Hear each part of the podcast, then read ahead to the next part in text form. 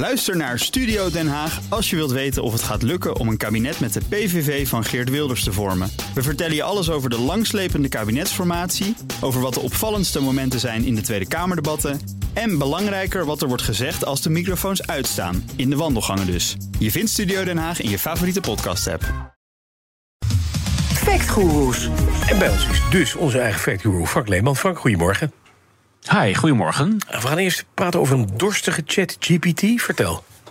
Ja, het watergebruik van ChatGPT dat lag de afgelopen 14 dagen ineens onder de loep. Een wat ouder artikel op Gizmodo, dat is een tech gadget site, dat kwam weer bovendrijven. Dat was overigens van maart.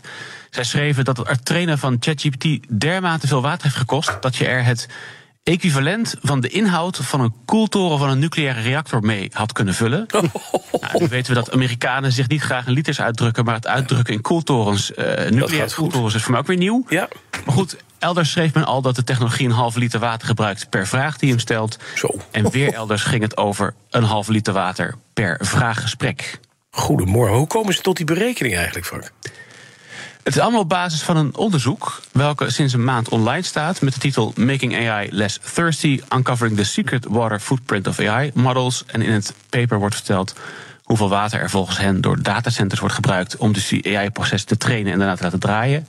Ja, en op basis daarvan zijn dus al deze artikelen uh, verschenen. Nou, prachtig mooi natuurlijk. Dat water wordt gebruikt voor het koelen inderdaad, hè, van, die, uh, van die mainframes in datacenters, dat wisten we. Maar het wordt daarna dus ook opgebruikt. Kan het niet worden, ja, kan je het niet afkoelen in een warmtewisselaar... en dan gewoon een, een wijk mee, uh, mee verwarmen, noem maar wat? Of opnieuw gebruiken? Nou, wijkverwarmen is wel interessant, maar zij beschrijven hoe verschillende datacenters verschillende methodes hebben om de servers en serverruimtes koel te houden. En een daarvan is dus waarbij je water verdampt in koeltorens. En dat kost dus inderdaad water. Uh -huh. Terugwinnen daarvan, dat is, zit regelgeving aan vast. Dat gebeurt wel steeds meer. Uh -huh. uh, en het is dus ook voor het overgrote gedeelte drinkwater wat ze gebruiken. Echt het overgrote gedeelte. Ja. En dat verdampt dus, het komt in de atmosfeer terecht. En daarmee dus netto he, belast je de, de waterbronnen uh, negatief. In het geval van de datacenters van Google, om je een idee te geven, uh, in de US zijn er heel veel verschillende getallen. Maar je moet denken aan zo rond de 11 miljard liter drinkwater per jaar. Uh, voor, voor alleen Google dus. Ja, en ze hebben allebei initiatief om dat terug te dringen. En daar hebben ze ook goede voortgang in gemaakt. Maar goed, onderaan de streep gaat het nog steeds om miljarden liters drinkwater dus. En dat klinkt ook als heel erg veel. Maar nou. even voor de context. In de US gebruik, die gebruiken 117 biljoen liter water per jaar. Dus uh, 117 met 12 nullen. Ja. Dus dan is die 11 miljard liter is dan 0,09 procent. Dat is een druppel op een gloeiende plaat. Ja. maar toch, het kost wel drinkwater. En dat, die onderzoekers hebben dus een punt. Ze hebben sowieso een punt. ChatGPT uh, kost energie en water. Al deze tech-dingen kosten natuurlijk energie. En uh, energie kost water om op te wekken. En daarna om die apparaten ook weer af te koelen die de energie gebruiken. Maar goed, ik weet dus niet zeker of we die getallen één op één op, op de harde schijven in onze hoofden moeten opslaan. Want wat er in het onderzoek staat, uiteindelijk is dat je ongeveer 500 milliliter water aan koeling kwijt bent voor tussen de 10 of 70 antwoorden. Of 10 tot 50, 10 tot 70. Hangt er vanaf of het hele moeilijke vragen zijn of niet, waarschijnlijk.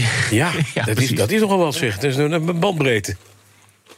Nogal bandbreedte. Nou. En uh, dat komt dus door de, de aannames in het onderzoek. Ja, ja. Ik zou bijna zeggen, dat zijn er ook 10 tot 50. Mm -hmm. Want het ene datacenter is het andere niet. Voor Google geldt dat een datacenter dus gemiddeld 1 liter per kilowattuur aan serverenergie nodig heeft te koelen.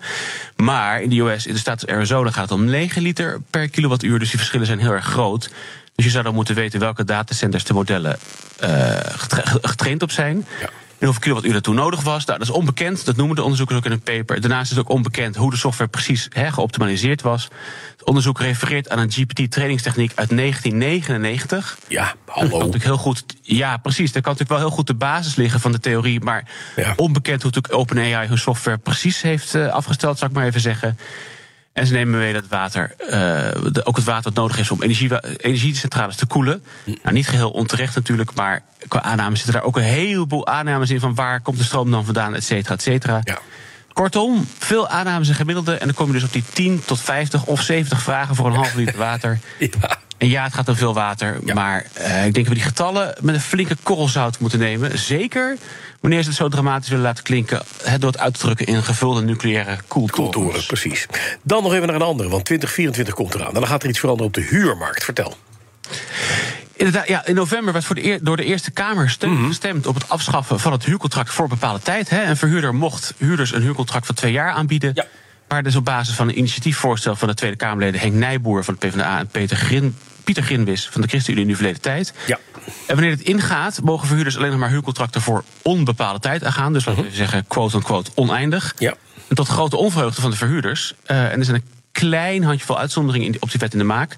Maar het tijdelijke huurcontract, ja, dat bestaat dus in principe niet meer. Maar nu kwam dus te sprake per wanneer die wet precies ingaat. Ja, en daar wordt het dus onduidelijk. Hè? Dat is toch gewoon 1 januari, of niet?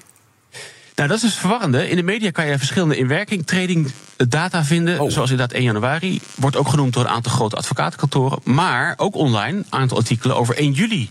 Als data voorbij komen. En ik kon nergens uitsluitsel vinden. En het concept Koninklijk Besluit heeft het ook over 1 juli. Maar dat besluit is nog niet getekend. Maar maar wacht eventjes, dan zou je dus even het ministerie moeten bellen. Die heb ik inderdaad gebeld. Ja, contact met het ministerie. Waar Ja? ze geestig genoeg ook op zoek moesten naar het goede antwoord. en ze een antwoord. Is dat, het is toch onbekend welke datum Eh. het exact gaat zijn? Ja. Ja, er loopt nog een ANVB, Algemene Maatregel van, bestu eh, van Bestuurprocedure, voor een aanvulling op de wet. Welke groepen wel tijdelijk in een huurwoning mogen, et cetera. Nou, daarover heeft de minister gezegd dat die procedure eerst afgerond moet zijn voordat de wet vaste huurcontracten ingevoerd kan gaan worden. Nou, die ANVB komt pas begin januari uit zijn voorhangprocedure, zoals dat heet. En dan pas wordt eigenlijk de datum duidelijk. Nou, de minister had het over april of mei. Dat hij dat wel goede hè, zou moeten kunnen halen. ja. Maar de verwachting is toch ja, dat het richting de zomer is. Dus die 1 juli, het zou best kunnen. Maar exact, exact is nog onbekend. Kortom, verhuurders kunnen voorlopig nog eventjes eh, bepaalde, eh, bepaalde tijdcontracten aangaan. Precies. Inderdaad, tot. We weten het niet. Dankjewel, Frank Leeman. Onze Ook Diana Matroos vind je in de BNR-app. Ja, inderdaad. Je kunt live naar mij luisteren tijdens de Big Five. Ook handig in de BNR-app. Breaking nieuwsmeldingen, maar ook het allerlaatste zakelijke nieuws. En je vindt in de app alle BNR-podcasts, waaronder Wetenschap Vandaag. Download nu de gratis BNR-app en blijf scherp.